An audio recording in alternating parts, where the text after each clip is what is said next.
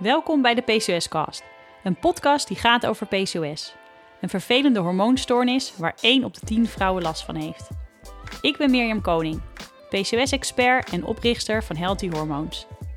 Jarenlang heb ik zelf last gehad van de gevolgen van PCOS. Van stemmingswisselingen, onrustige huid tot migraineaanvallen.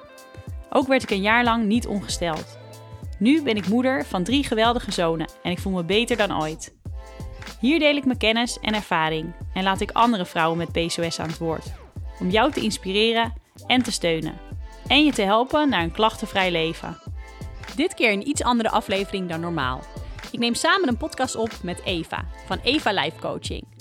Ze heeft zelf 20 jaar geleden ook de diagnose PCOS gehad. Nu is ze life coach en energy healer. Ze helpt anderen om meer op hun lichaam te vertrouwen. Zij zal mij vragen stellen over PCOS en ik stel haar vragen over PCOS en haar werk.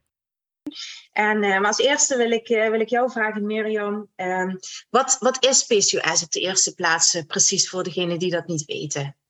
Ja, PCOS is een afkorting van polycysteus ovarium syndroom. Nou, gelijk een hele mond vol, maar Um, dat betekent eigenlijk dat er meerdere vochtblaasjes te zien zijn op de eierstokken. Nou, dit kun je alleen zien met een echo. Dat kun je niet zelf, uh, zelf bekijken natuurlijk. Mm -hmm. um, maar het is eigenlijk uh, de meest voorkomende hormonale disbalans bij vrouwen. Dus een disbalans qua hormonen.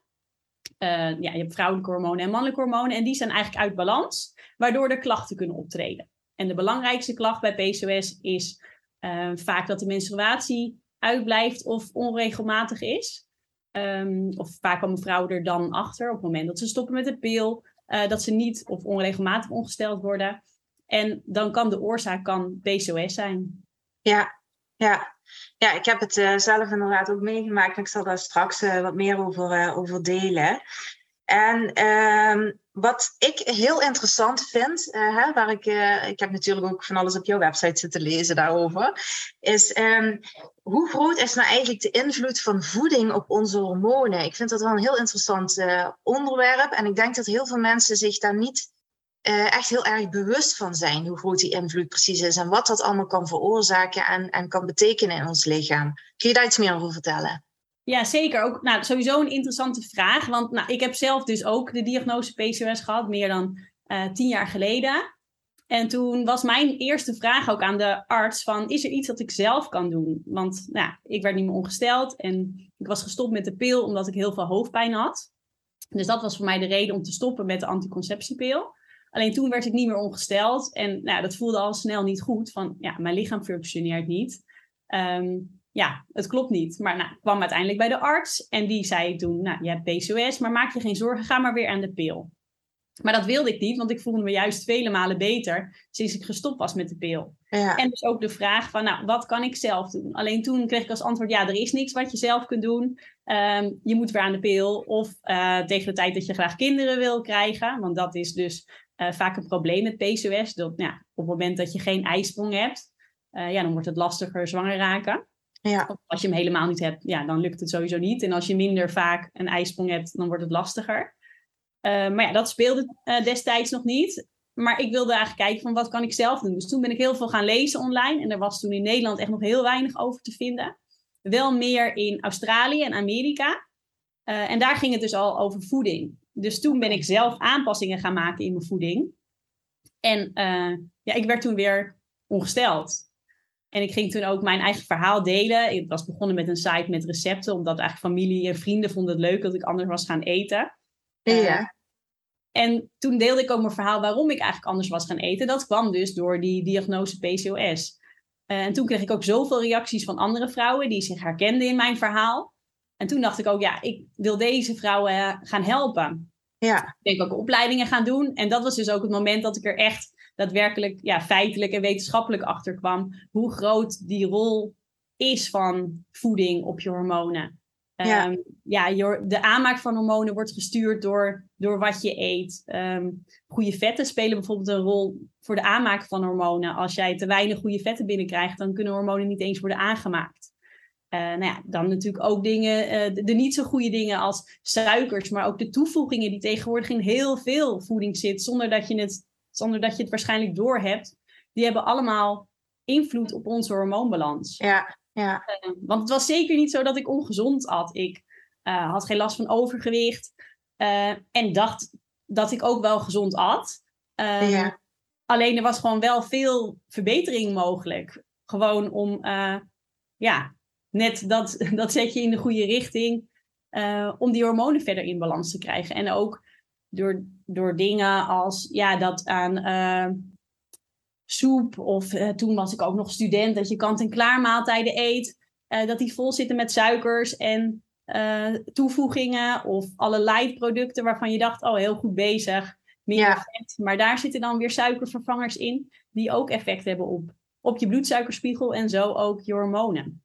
Ja, ja, en dat, dat kun je zo natuurlijk allemaal niet weten. Hè? Daar moet je echt eh, wel even induiken, inderdaad, Ja. eh, om daarachter te komen. Ja, Ja, dus om te zeggen hoe groot exact die invloed van voeding is, dat is niet te zeggen, maar het is wel, het is de basis, zeg maar, Ja. eh, de voeding. Wat je in je lichaam stopt, ja, dat komt er ook uit. ja, ja, het is tuurlijk. Het is ook altijd een totaalplaatje, hè? zeg ik ook altijd. Sowieso lichaam en geest zijn één. En je moet op alle vlakken goed voor jezelf zorgen. Hè? Zowel met, met, met voeding als beweging. En eh, daar sta ik ook eh 100% achter. Ja, Hey, en ehm, misschien zijn er nu wel vrouwen die luisteren die eh, geen diagnose PCOS hebben op dit moment, maar ehm, die wel misschien allerlei vage klachten of, of kwaaltjes hebben of zo. Kun jij misschien zeggen welke, welke kwaaltjes wel eens ehm, zouden kunnen duiden op PCOS? Dat vrouwen zich daar misschien helemaal nog niet bewust van zijn. Ja. Nou, de belangrijkste die genoemd worden en ook door de artsen genoemd worden, dat is bijvoorbeeld ehm, overgewicht. Dat was vaak ook het, het eerste beeld van PCOS, of voorheen was dat het beeld van PCOS. Een vrouw met PCOS die, eh, die moet overgewicht hebben. Nou, dat kan, maar dat hoeft niet. Door de hormonale disbalans kan het wel zijn dat je merkt dat je eerder aankomt en dat het veel lastiger is om af te vallen. Dus dat je hormonen echt tegenwerken eh, met het afvallen. Dus dat is iets wat kan, maar dat hoeft niet. Geldt trouwens voor alle symptomen. Het is een, ook een, Ja, het, het is een syndroom, dus het is een verzameling van verschillende symptomen. En dat maakt ook dat er heel veel verschillende beelden zijn van PCOS. Je moet Mhm. ook last hebben van alle klachten. Ehm, door verhoogd testosteron kunnen vrouwen last krijgen van klachten als acne, eh, overbeharing. En dat is dan juist op het lichaam, dus in het gezicht of ehm, ehm, op de borst. Eh, of dat je meer, eh, of merkt dat je beenhaar veel sneller groeit. Eh, en daarnaast haaruitval. En dan haaruitval is dan juist weer op het hoofd. ja, Dat zijn klachten. En daarnaast ook klachten als stemmingswisselingen, vermoeidheid, maar ook ehm, ehm, juist weer slaapproblemen. Dus wel moe zijn overdag, maar s'nachts weer meer moeite hebben met in slaap komen. Ook depressieve klachten komen erbij kijken. Eh, dus het is eigenlijk een hele verzameling van verschillende symptomen. En eigenlijk als belangrijkste dus vaak dat er toch wel wordt gezien dat die, wanneer je niet aan de anticonceptie eh, bent, dus geen pil gebruikt, eh, dat die menstruatie uitblijft of onregelmatig is. Ja. Vaak langer dan 40 dagen. ja. En ehm, hoe komt het eigenlijk? Hè? Want dat is ook een hele grote oorzaak, zoals ik heb begrepen. Hè? Dat, dat stress ook een hele grote rol speelt in eh, het krijgen van een disbalans in je, in je hormoonstelsel eigenlijk. Hoe, hoe werkt dat precies? Wat is jouw kijk daarop? Ja, het begon bij mij dus ook inderdaad bij voeding. Maar toen kwam ik er al snel achter. Het is veel meer dan alleen wat je eet. Er zijn gewoon meer onderdelen die een rol spelen. En dus ook, eh, nou ja, daarnaast eh, de juiste supplementen is belangrijk. Om, dat je ook niet alles binnenkrijgt via voeding. Ehm, om dat aan te vullen of als je bepaalde tekorten hebt. Maar daarnaast ook dat hele mentale stuk. En die ehm, aan de ene kant was, is dat op de juiste manier bewegen. Ehm, maar eigenlijk gaat het met name om stress. Ehm, want wanneer jouw lichaam stress ervaart, en dat kan dus ook zijn door voeding waar jij niet goed tegen kunt, dat is stress voor je lichaam. Eh, te fanatiek sporten is stress. Eh, nou ja, werk-privé stress, daar denken we eigenlijk vaak aan als je, als je de vraag Mm. krijgt van ervaar je te veel stress. Ehm, maar het zijn ook leuke dingen. Het, kan ook zijn eh, ja, juist een volle agenda met eh, leuke dingen doen met vriendinnen of veel afspraken. Maar dat kan wel precies dezelfde stressreactie in je lichaam oproepen. En dat is op het moment dat jouw lichaam stress ervaart, gaat het cortisol aanmaken. En cortisol, dat is het stresshormoon. En dat moet ook worden aangemaakt op het moment dat jij stress ervaart. Nou, ik verwijs dan altijd naar de oertijd. Stel dat je, nou, wat was stress vroeger in de oertijd? Dat was als je een tijger tegenkwam. Nou, dan gaat je lichaam adrenaline aanmaken, maar dat kan niet de hele tijd, want nou, dan kom je uiteindelijk te overlijden. Dus cortisol neemt dat over, dat is het stresshormoon. En dat zorgt er ook voor dat jij uh, energie hebt om te vluchten. En het is een ontstekingsremmer voor als je langs een tak loopt, dat je been niet uh, gelijk gaat ontsteken. Dus het was toen heel belangrijk. Eigenlijk komen er suikers vrij. Uh, maar ja, nu zitten we uh, achter ons computer terwijl we die stress ervaren, maar wel precies diezelfde reactie. Dus ja. enerzijds komen de suikers vrij en die zorgen voor een disbalans qua hormonen. En anderzijds, op het moment dat jouw lichaam stress ervaart, uh, maakt het dat stresshormoon cortisol aan. En dat is in de bijnieren. En op het moment dat het dat aanmaakt, kan het geen geslachtshormonen aanmaken. Want de bijnieren kunnen namelijk onze eierstok ook een beetje helpen. Die kunnen of geslachtshormonen aanmaken of stresshormoon. Dus op het moment dat jij geen stress erva ervaart, gaat het eigenlijk geslachtshormonen aanmaken. Maar op het moment dat jij stress ervaart, maakt het alleen maar het cortisol, het stresshormoon aan. Um, en daarnaast verbruikt het zelfs ook uh, geslachtshormonen. Het verbruikt uh, progesteron. Mm -hmm. Dat is vaak het hormoon dat vrouwen met PCOS al tekort hebben. Want progesteron wordt aangemaakt in de tweede fase van je cyclus na je ijsprong. Nou, en als jij geen of minder vaak een ijsprong hebt, dan maakt jouw lichaam dus minder progesteron aan. Nou, ervaar je ook nog eens meer stress, wordt er dus progesteron verbruikt, opgegeten om het even duidelijk ja, te zeggen. Ja, ja. Uh, en wordt je progesteron nog lager en dat kan, uh, ja, dat kan voor veel klachten zorgen. Ja, ja, het is wel heel interessant dat je het zegt. Want ik gebruik uh, dat voorbeeld eigenlijk ook heel vaak bij, bij hetgeen wat ik doe. Hè? Van, van uh, hoe we vroeger leefden inderdaad. En uh, hadden we veel meer die, die reactie zeg maar nodig. Hè? Dat uh, fight, flight of freeze ja. reactie. En ja, ik zeg altijd, wat er dan gebeurt in ons brein... is dat we overschakelen naar ons reptiele brein. En dat is het kleinste en oudste brein, hè? deel van ons brein dat we hebben inderdaad. Maar het klopt inderdaad wat jij zegt... Uh, als op het moment dat wij in dat reptiele brein zitten, dus vanuit, uh, sorry, als je mijn hond hoort blaffen, het hoort er allemaal bij. Dat doet ook mee. Ik ben op zolder, maar uh, ik denk dat er iemand voor de deur staat. sorry daarvoor. Um, maar wat er dan letterlijk gebeurt, um, is, is dat alles letterlijk stilstaat, inderdaad. Er is geen groei meer mogelijk. Dus um, ik vind het wel heel mooi dat jij dat dan ook zegt. Van, uh, dat er dan ook geen uh, uh, geslachtshormonen zeg maar, worden aangemaakt. Dat is inderdaad letterlijk wat er, wat er gebeurt. Is als je in die, je in die toestand begeeft, je niet kunt groeien en je letterlijk ja. stilstaat. Het ja. is eigenlijk ook een veiligheidsmechanisme. Ja. Op het moment dat jij in zo'n situatie bent, dan ja. uh, is het enige doel van, jou, van jouw lichaam is overleven. Uh, voortplanten ja. is dan op dat moment uh, niet belangrijk en, of nee. eigenlijk ook niet verstandig. Want nee. jouw lichaam is in toestand dat het zelf moet overleven. Dus, dus, je kunt het bijna zien als een soort veiligheidsmechanisme. Ja. Dat als eerst die cyclus wordt uitgeschakeld. Op dit moment moet jij niet gaan voortplanten. Ja, ja dat is wat er gebeurt. Dus wanneer jij weer in een veiligere situatie bent, komen, kunnen die hormonen in een in balans komen. En kun jij je gaan voortplanten. Ja, inderdaad. Alleen is het probleem inderdaad uh, in, de, in de hedendaagse maatschappij dat we niet, uh, niet zo vaak meer uh, een, een tijger voor onze neus hebben nee. staan of wat dan ook. En dat we vaak onbewust in die toestand verkeren. maar daar ja. kunnen we misschien straks nog wat dieper op in, ja. ingaan. Ehm, ja, ik had jou sowieso willen vragen, maar dat ga ik aan het einde van de podcast doen, omdat ik denk dat we nog wel heel veel te vertellen hebben. Maar dat je sowieso als vrouwen zich hierin herkennen, of misschien wel vermoeden dat ze, dat ze dit wel eens zouden kunnen hebben, of dit misschien al heel lang hebben en niet, niet goed weten hoe ze hiermee om uh, kunnen gaan.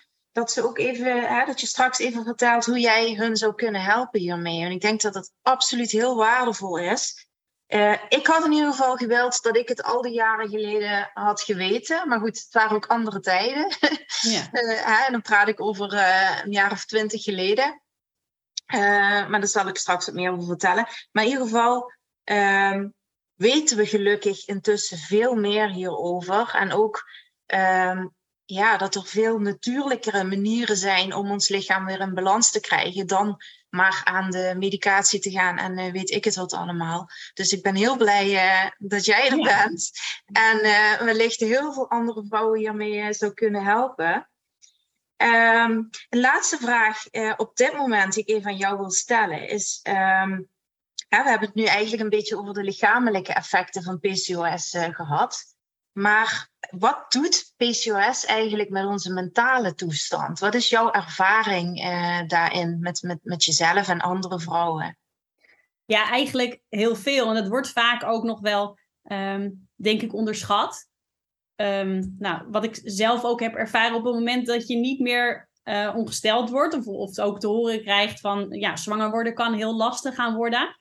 Um, ja, is het iets wat ja, het is ook wel heftig om te zeggen, maar voor mij voelde dat wel als soort van aantasting in mijn vrouwelijk zijn. De arts zei ook van ja, uh, maak je niet zo druk, kom uh, terug tegen de tijd dat je kinderen wilt.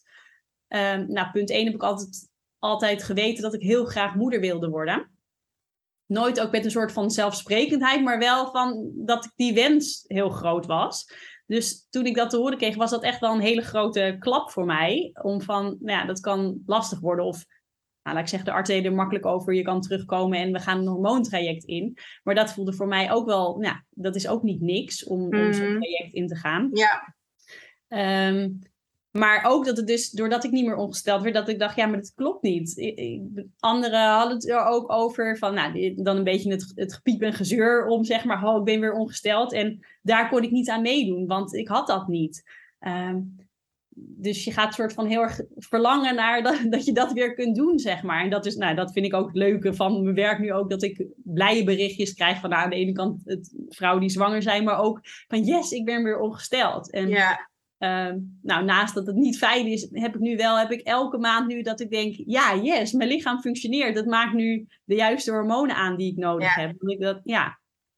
Maar dat doet dus heel veel met je. Op het moment dat ik die diagnose uh, kreeg, ben je er toch wel elke dag bewust of onbewust mee bezig. Ja. Uh, en zeker op een moment dat een kinderwens speelt, en dat is nou, wat ik ook merk door, dat, door de vrouwen die ik begeleid, ja, dan gaat het gewoon een hele grote rol spelen in je leven. En mm-hmm. um, als je het heel lang duurt voordat die wens in vervulling gaat, of je bent al heel lang in het traject, dat dat zoveel met je doet mentaal, dat, dat vrouwen ook echt het, um, ja, het vertrouwen in hun lichaam kwijtraken. Um, zichzelf de schuld ervan geven, uh, denken, ja, mijn lichaam functioneert niet. En dat dat dus ook echt mentaal effect kan hebben. Want nou, er is dus wetenschappelijk bewezen dat depressie vaker voorkomt bij PCOS.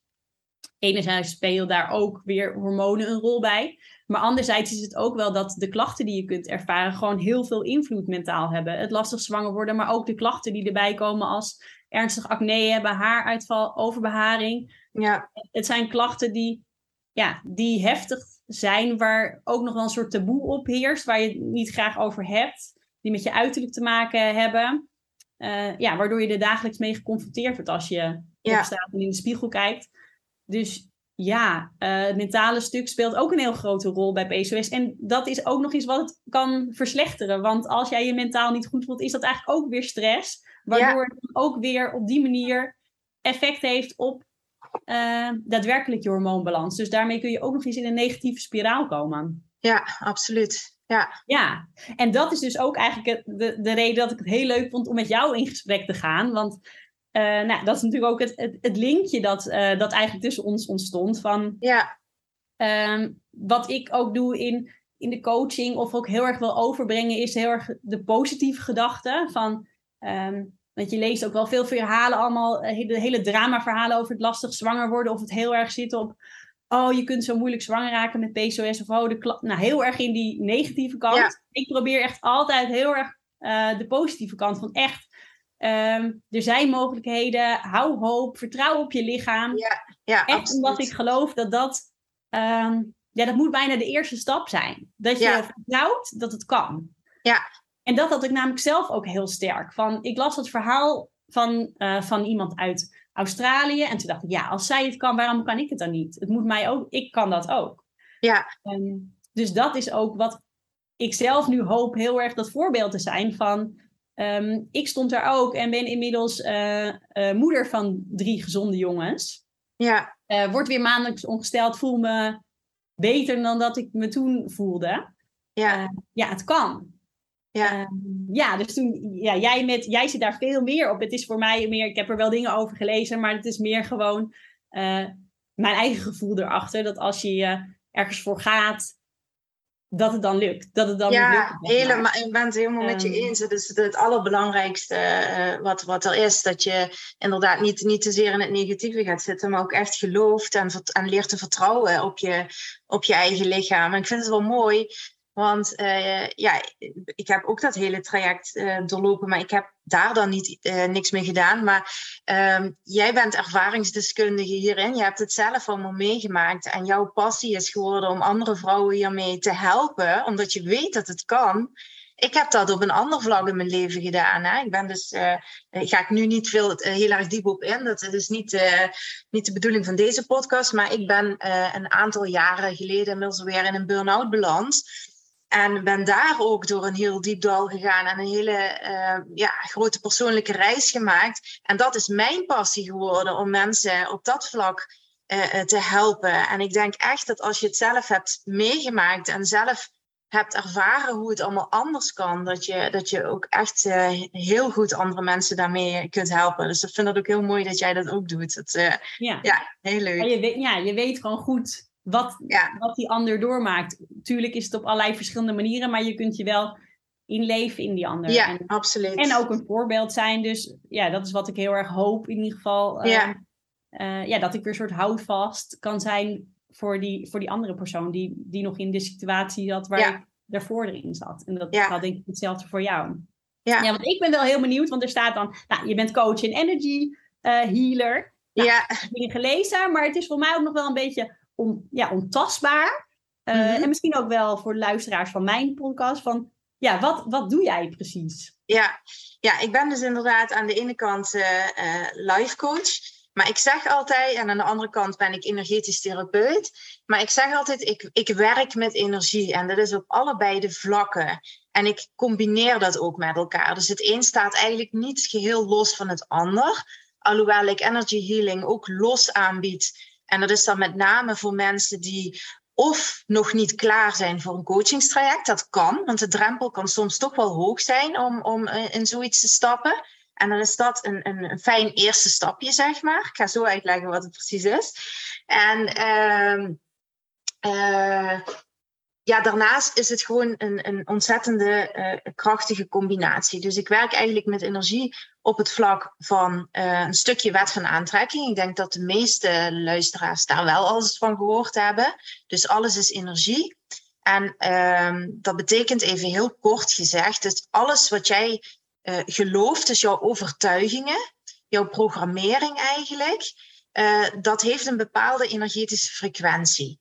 En dat betekent dat dat ook uh, situaties en dingen van dezelfde energetische frequentie aantrekt. En heel veel mensen zijn zich daar nog niet voldoende van bewust. En dat is dus ook echt mijn, mijn grote passie om mensen uh, daar bewust van te maken van hoe krachtig je eigen gedachten zijn en hoeveel belemmerende overtuigingen wij hebben opgelopen uh, gedurende ons leven.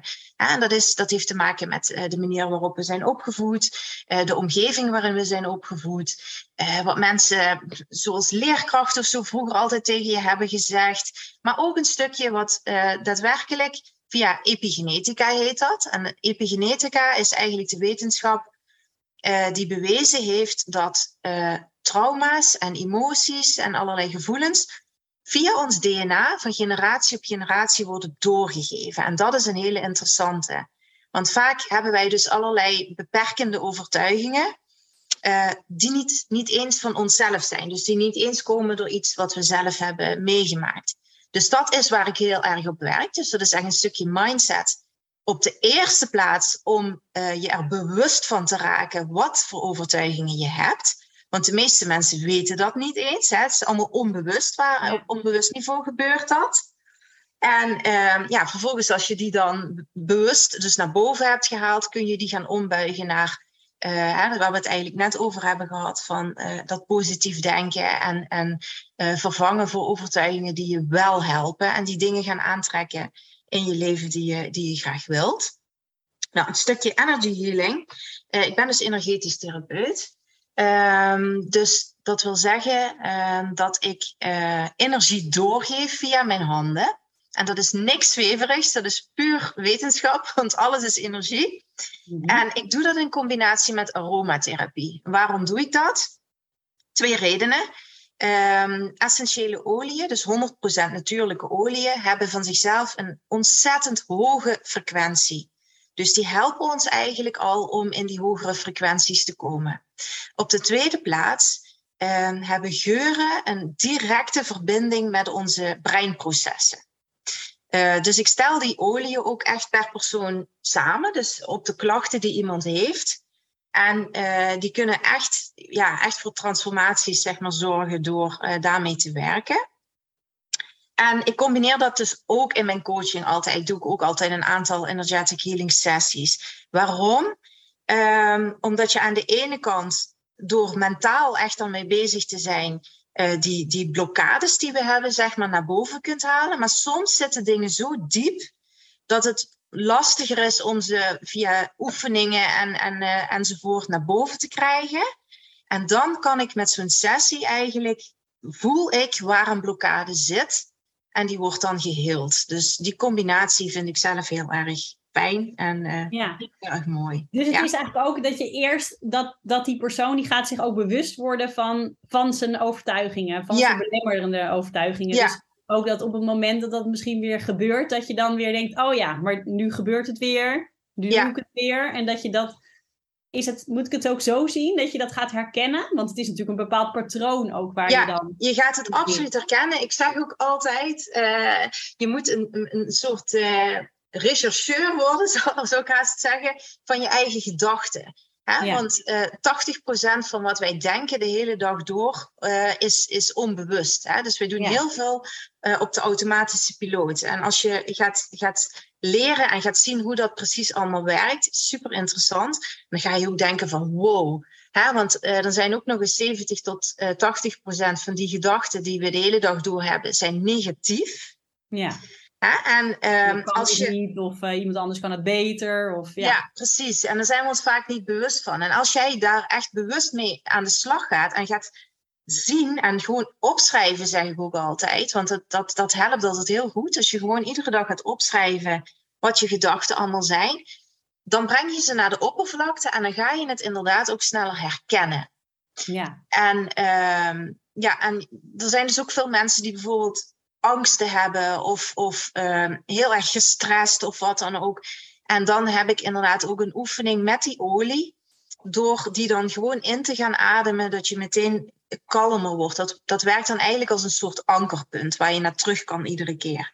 Dus als je merkt dat je heel gestrest bent, dan ga je eventjes terug naar jezelf en dan dan neem je dat weer weg. En die geuren dan, ja. Uh, heeft dat voor iedereen, is dat voor iedereen dezelfde geur die, die op die energiefrequentie zit? Want ik kan me ook goed voorstellen dat nou, een geur die, ja, die hebt meegemaakt bij een bepaalde situatie, dat, dat dat ook dus juist iets anders kan oproepen. Of zeg je nou, uh, lavendel, uh, ik noem even een basic, is altijd ontspannen? Of, of, kijk, of is dat ook weer ja, ik werk eigenlijk, eh, sowieso heeft iedere uh, olie heeft, heeft, werkt op zijn eigen thema's, zal ik maar zeggen. Maar ik werk daar heel intuïtief op. Dus ik kijk inderdaad echt naar de persoon en ik, ik kies daar dan intuïtief verschillende oliën bij. Dus ik maak echt een persoonlijke blend.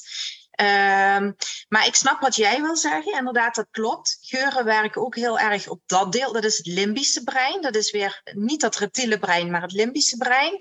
En dat is inderdaad als je bijvoorbeeld ergens binnenkomt en je ruikt appeltaart en je denkt aan je oma of zo.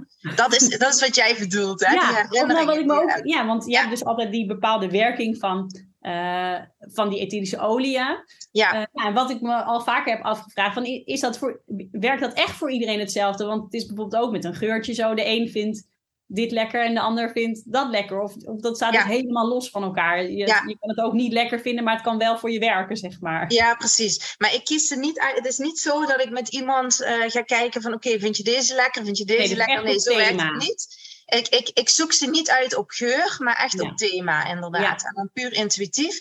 En ik heb gelukkig tot nu toe nog nooit gehoord dat iemand hem niet lekker vond ruiken. Ja, misschien ook wel dat wat je nodig hebt, dat je dat dan... Ja, Dat, dat kan me ook nog weer voorstellen.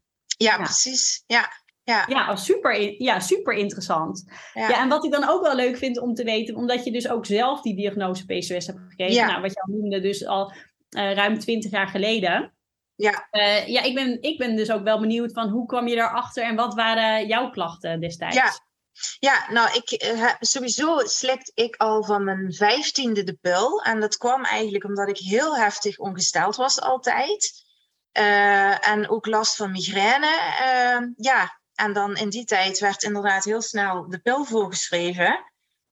dus ja, dan, dan, dan doe je dat. Ik heb daar ook niet echt verder last van gehad, moet ik eerlijk zeggen. Het was wel voor mij heel lang zoeken om, om een juiste pil te vinden. Dus ik ben ook wel altijd onder ja, controle van de gynaecoloog geweest en zo.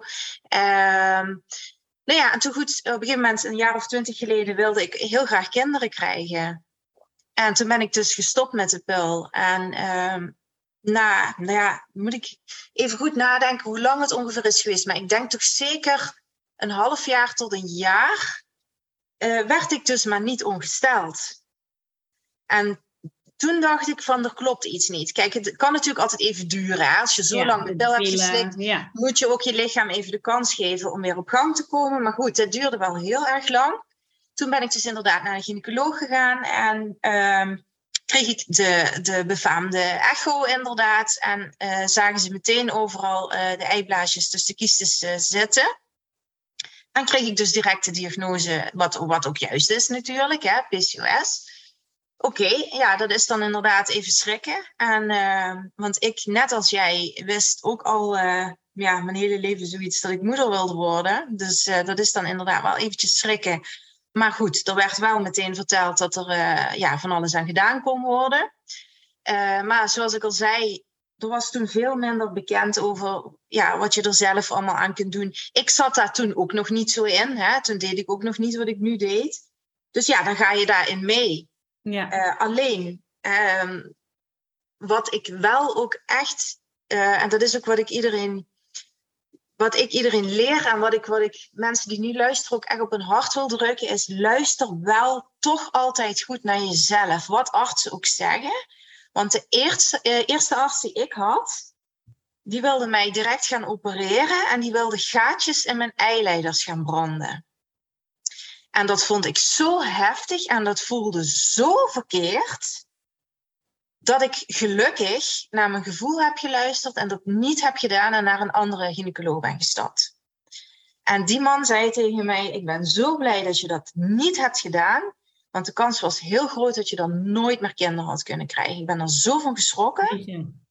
Ja, dus eh, wat dat betreft ha, tuurlijk, we hebben de medische wereld ook nodig, maar luister wel ook altijd naar je eigen gevoel. Want uh, als ik dit klakkeloos had gedaan, dan uh, had ik nu niet uh, mijn prachtige tweeling van 17 ja. jaar gehad. heftig hè?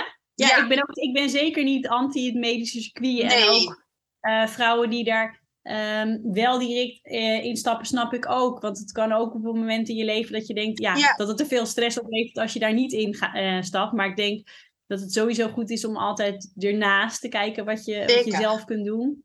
En inderdaad ook altijd je gevoel uh, te, te, volgen. Ja, heel mooi dat je dat zo zegt. Ik heb dat ook wel gehad bij, ja, bij een arts waar ik, ja, waar ik echt gevoel dat ik echt een nummertje was. Waar ik me zo'n klein meisje voelde, de manier waarop ik toen behandeld werd.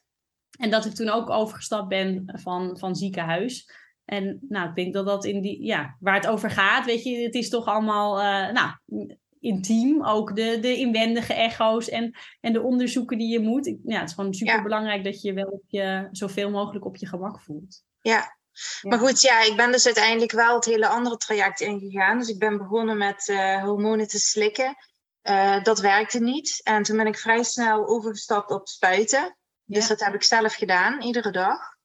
En uh, ja, dat is een heel, heel, heel heftig traject geweest uiteindelijk ben ik uh, gelukkig wel op de natuurlijke manier, ja, niet op de natuurlijke manier, maar ik bedoel, ik heb geen IVF of zo gehad. Ik kreeg gewoon op een gegeven moment een spuit uh, uh, om de ijsprong te bevorderen. En toen was ik ook meteen de eerste keer direct in verwachting. Maar wat die hormonen allemaal met je doen, dat is echt niet mis. En ik, ik, ik wil inderdaad niet zeggen dat het altijd verkeerd is, maar als ik toen had geweten wat ik nu wist, had ik het eerst op de natuurlijke manier, inderdaad, door hè, wat, wat jij vrouwen dan leert, door voeding en, en uh, je hormonen op een natuurlijke uh, manier in balans te krijgen, had ik dat zeker eerst geprobeerd. Maar goed. Want op welke manier, hoe heb je, want je noemt dat het zeker, zeker niet mis. Wat, ja, kun je daar iets meer over zeggen, hoe dat dan voor jou was? Of op welke manier je merkte dat dat veel invloed op je had? Ja, goh, uh, sowieso dat, dat, dat spuiten iedere dag, dat heeft toch wel, wel een effect op je. Uh, ook qua mentaal hoe je je voelt, toch? Die hormonen doen, doen echt wel heel veel uh, met je. Dus je wordt gewoon, ja, uh, ik, ik zal maar zeggen, als je gewone PMS-klachten hebt, keer 100, zal ik maar zeggen. Ja. Dus uh, het doet gewoon heel veel met je lichaam. Uh, en ja, ook je bent er natuurlijk constant mee bezig in je hoofd. Hè? Dat je dit doet om, om, om zwanger te willen worden. Ik moest iedere week naar het ziekenhuis. Ja, zeggen, je agenda moet er ook helemaal... Ja, helemaal of iedere week. Ik geloof zelfs, ja, het is natuurlijk al wel even geleden. Maar ik geloof zelfs twee keer per week of zo moest ik uh, een, ook wel een eindje rijden naar het ziekenhuis. Voor een inwendige echo. Hè? Want ze, gaan dan steeds kijken hoe groot uh, je eiblaasjes uh, ja. zijn. Um, dus ja, dat, dat is, het, het uh, geeft ook een spanning op je relatie, dat ja. ook. Het is, uh, het is echt niet niks. En nogmaals, ik, ik, ik zeg dan altijd van, ik ben blij dat, dat ik die mogelijkheid wel had. Hè? Want um, ja, de jaren daarvoor was dat er nog niet. En, het was ja. er allemaal niet. Hè? En dan was ja. het, had ik misschien ook geen kinderen gehad. Dat weet ik natuurlijk niet. Maar hè, ik ben heel dankbaar dat ik ze heb. Absoluut. Ja. Maar uh, ja, ik heb natuurlijk ook een, een tweeling gekregen. Dat was ook niet iets familiaals. Dat is ook gewoon puur door de hormonen. Ja, dat is ook niet niks. En ze zijn ook uh, met 31 weken geboren. Dus ze hebben twee maanden in het ziekenhuis gelegen. Ja, het is allemaal al een hele heftige periode geweest. En daarom vind ik het ook echt heel belangrijk. Ja, ja dat, dat, dat, ja, dat er mensen zoals jij zijn die, die, die vrouwen hiermee kunnen helpen. Omdat het ja, echt wel heftig is. Ja, denk je dat de burn-out die je dan nu net ook tussendoor nog noemde, denk je dat dat ook nog een rol kan hebben gespeeld met, met wat je dus daarvoor, met die diagnose PCOS, met het traject, met nou, een tweeling krijgen wat heel heftig is, dat dat ook een opeenstapeling kan zijn geweest? Nee, ik denk allemaal niet... continu de stresshormonen die aangemaakt worden. Wat, ja, wat, uh, ja, hoe ik er dan naar kijk, ja, dat, dat uh, put die bijnier. Ik vind een burn-out, mm -hmm. um, hoe ik het dat noem, is een, een uitgeputte bijnier. Ja. Want dat is wat er aan de hand is bij een burn-out, dat, dat die bijnier niet meer goed functioneert. Ja, ja dat zijn natuurlijk wel steeds al, al klappen geweest voor die bijnier, ja. zeg maar, die momenten. Ja, het is eigenlijk wel interessant dat je dat zegt, want ik wou meteen zeggen, ik denk het niet, maar... Um uh, het was natuurlijk ook jaren later, maar het, het kan eigenlijk best wel zo zijn dat, dat dingen zich hebben opgestapeld. Ja. En wat ik wel wil delen is, uh, ik ben natuurlijk ontzettend met mezelf aan de slag gegaan. En ik, uh, er zijn heel veel dingen gebeurd in die periode. Uh, hoef ik nu niet alle details over te vertellen. Maar dingen waarvan ik dacht dat ik ze al lang verwerkt had. En uh, doordat ik zo hard aan mezelf heb gewerkt de laatste tijd, zijn er toch nog wel dingen van toen uh, naar boven gekomen. Dat ik dacht van, hè? Uh, waar, waar ik zelf dus echt van overtuigd was dat, dat ik ze verwerkt had. En ik wilde delen, want ik merkte het ook vaak met, met klanten van mij, die, die dan zeggen dat ze heftige dingen uit het verleden verwerkt hebben. En die komen toch naar boven. Dus uh, die dingen zetten zich zo diep in je lichaam vast. Uh, dat je er echt niet bewust van bent. En die kunnen inderdaad een, een invloed hebben op je leven op dit moment, terwijl je er dus niet van bewust bent. En pas ja. op het moment dat jij echt diep durft te gaan en diep aan jezelf durft te gaan werken, ga je merken dat er toch dingen naar boven gaan komen. Ja, en dat was ja. bij mij ook zo. Ja, dus wauw, dus dat je dat dan pas eigenlijk echt los kan laten ja. en dat het dan pas ja. Uh, nou, dat stukje dat het ook nog lichamelijk invloed heeft, dat je dat ook kwijt kan raken. Ja. En, ja. Ja, ja wauw. Mo ja, mooi. Ja. Um, ja, wat, daarom, wat ik dan natuurlijk dus eigenlijk ook wil weten, um, is um, ja, of jij een tip hebt voor vrouwen met PCOS, ja, wat zij zelf kunnen doen op dat, ja, dat stukje mind waar jij je mee bezighoudt. Ja, nou Dus sowieso. Tips waar, je, waar, waar iedereen die, die luistert eigenlijk mee aan de slag zou kunnen gaan. Ja, ja ik, ik weet niet of het echt het, eh, tips gaan worden, maar in ieder geval wel wil ik ehm, mensen bewust maken en een heel duidelijk inzicht geven in wat, wat ontzettend belangrijk is als je, als je dit hebt, of, of wat dan ook hebt eigenlijk. Hè. Eh, sowieso op de eerste plaats ehm, zijn veel mensen op dit moment echt de, connectie met zichzelf een beetje kwijt. Hè? Dus we zitten constant in ons hoofd. En ehm, zeker als je eh, zo'n diagnose hebt gekregen, tenminste is mijn eigen ervaring, ik weet niet of jij dat ook zo ervaren hebt, maar is dat je toch constant daar in je hoofd mee bezig bent. Van, oh, ik, eh, ja, ik heb dit en, eh, en, en eh, hoe moet dat nu? En, en, en kan ik dan wel zwanger raken? En, en dat Ja. soort dingen. Dat is, dus dus dat, is, dat is één. Ehm, en het tweede is ehm, dat je inderdaad dus die connectie leert te maken met je intuïtie en ook naar je lichaam durft te gaan luisteren. Want wij krijgen echt wel voldoende signalen van ons lichaam als er ergens iets niet klopt. En het kan op mentaal vlak zijn, het kan op lichamelijk vlak zijn. Zoals ik al zei, alles is met elkaar verbonden, dus dat maakt niet uit. Maar vaak zitten we zo in ons hoofd dat we die signalen niet meer horen. Of niet willen horen. Dat kan ook. Hè? Dat we zijn zo gestrest. We leven in een maatschappij waarin we alleen maar aan het rennen zijn. En dat Ja. we heel. Ja, soms is het ook wel zo dat je ergens op de achtergrond wel zo'n zo, zo'n stemmetje hoort. Hè? Van, van, van het gaat niet goed, er zit ergens niet goed. Maar dat je denkt van oh, als ik daar nu ook nog naar ga luisteren, dan levert me dat nog meer stress op. Ja. Maar daardoor blijf je inderdaad. Ja. Ja, De verwachtingen Blijf je- van anderen, de verwachting van de maatschappij. Ja. Ja, precies. Blijf je toch maar in, de, in, in dat cirkeltje zitten. En ehm, wat het mentale stuk betreft, wil ik echt, echt meegeven. eh, ehm, wat jij in het begin ook zei, hoe belangrijk het is om niet in dat negatieve en niet te veel in die angst te gaan zitten. Want ehm, je ziet het heel vaak. Ik, ik wil dit als voorbeeld geven, want je herkent het vast wel. En, en ik weet zeker dat mensen dit ook herkennen. Er zijn heel veel vrouwen die in een traject zitten, of het nou IVF is of wat dan ook, maakt niet uit. Waarbij het maar niet lukt. Ze doen het vijf keer, zes keer, zeven keer, weet ik veel hoe vaak. En het lukt niet om zwanger te worden. Wat zie je heel vaak gebeuren? Ze stappen uit het traject en ze worden binnen een, een jaar of wat dan ook spontaan zwanger. Ja. Ik wil even uitleggen hoe dat kan, hoe dat werkt.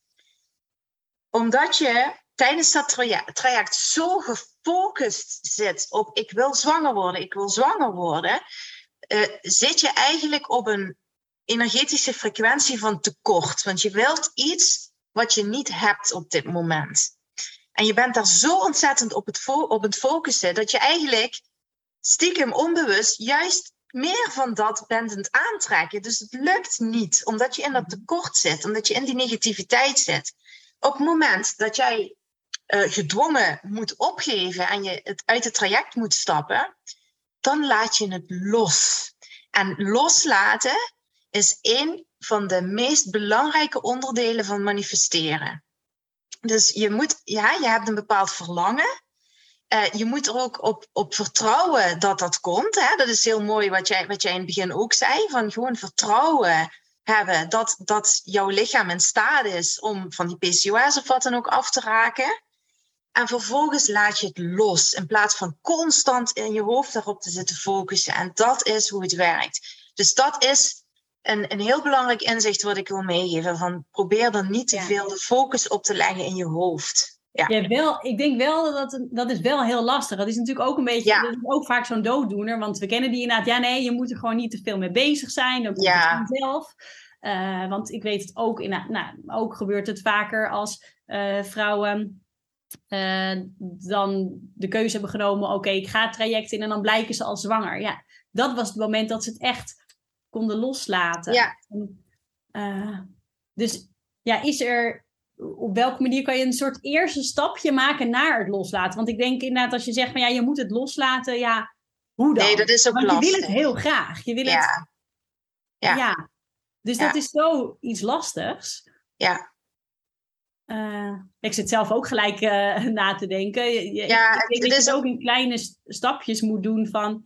En het, het omdraaien in plaats van nou, wat, wat, wat, wat je kunt doen is inderdaad niet, niet te zitten denken van, oh, hè, want dat is het roze olifant verhaal. Hè? Als ik aan jou ja. vraag, denk niet, denk aan, niet aan die roze olifant. Ja, je, je denkt alleen maar aan die roze olifant. Nee, maar probeer dan. Je ziet alleen maar zwangere vrouwen, je ziet alleen maar kinderwagens. Ja.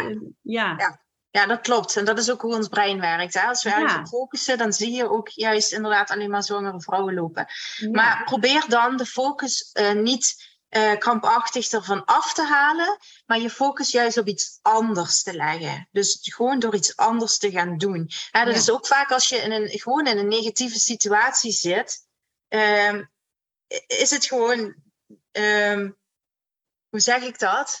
Is het gewoon soms zo simpel om gewoon uit die situatie te stappen. Om gewoon de deur uit te lopen, blokje om te gaan of wat dan ook. Dus misschien is het wat makkelijker om niet te denken van ik, ik eh, mag er niet op focussen, maar juist om afleiding te zoeken. Ja. Om niet zoveel bezig, mee bezig te zijn. Ja, dus misschien niet alleen maar de focus, oh, ik word niet zwanger, maar kijk, wat is er, wat is er nu wel? Wat, wat Precies. ja. En ook het vertrouwen hebben in je lichaam dat, dat het wel komt. Ja. Alleen kun jij niet afdwingen wanneer dat het komt. Dat, dat, dat is niet hoe het werkt. Ja. ja. Ja. ik weet dat zelf ook, dat ik dat ook al de rekensommetjes. Je bedenkt toch, oké, als ik deze maand, als het nu lukt, dan, oh, dan wordt het geboren dan. En uh, oh, nou, dat is wel leuk, want dat is het uh, nou, zomer. Uh, en dan, oh, als het dan nu niet, dan, nou, dan zijn we weer een maand verder. En dan, zo, ja, verschrikkelijk.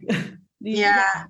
En zo werkt het niet. En ik weet het hoor. Het is heel makkelijk. Het is makkelijker gezegd dan gedaan. Absoluut. Maar je kunt dat trainen. Ja, dus ik denk dat wel heel leren. En mooi wat je zegt, die, dat je ook moet zien, want uh, ja, loslaten is dan gewoon wow, iets heel groots of zo. Maar in iets kleins probeer te focussen op de dingen, ja, op andere dingen. Of heel bewust de aandacht ervan af. Ja, precies. En dan misschien, en inderdaad gewoon hardop tegen jezelf zeggen, het gaat lukken. Mijn lichaam kan zwanger raken. Ja. Uh, eigenlijk, ja.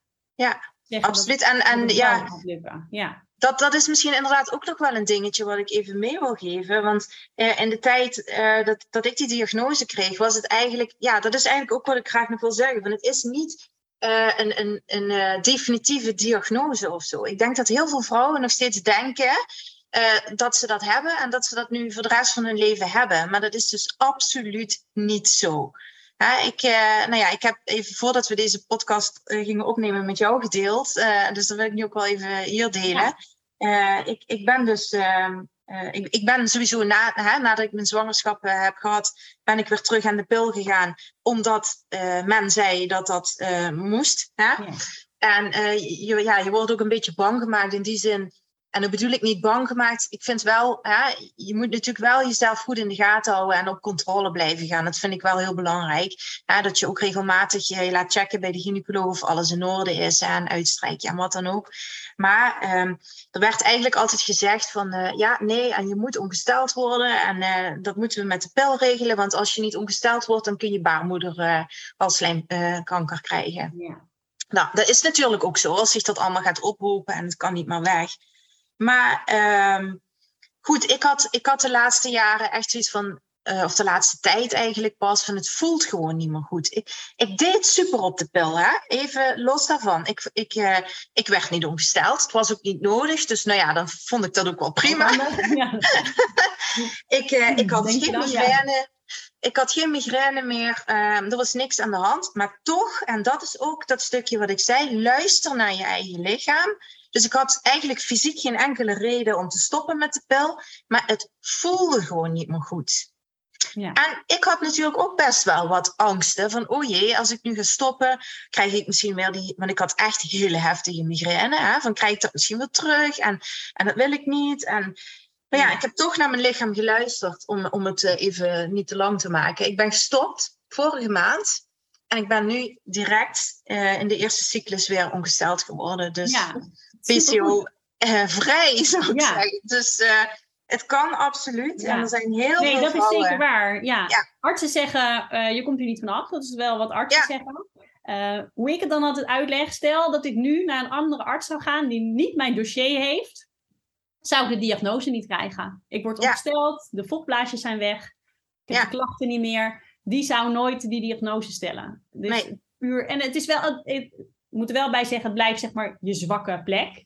Ja. Uh, zeg ook, uh, het zit in je DNA, maar ja, het kan wel of niet tot uiting komen door hoe je levensstijl is. En ja. nou, dus voeding, stress, supplementen, dat ja, speelt allemaal een rol bij het onder controle houden. En uh, ja, ik zie ook bij vrouwen die weer een regelmatige ziektes hebben, ervaren ze meer stress of rondom de december, januari maanden met ongezonder eten, nou ook meer stress, meer gedoe. Ja. hey, die cyclus duurt in één keer weer vier, vijf dagen langer. Ja, ja, het is zeg maar uh, je zwakkere plek.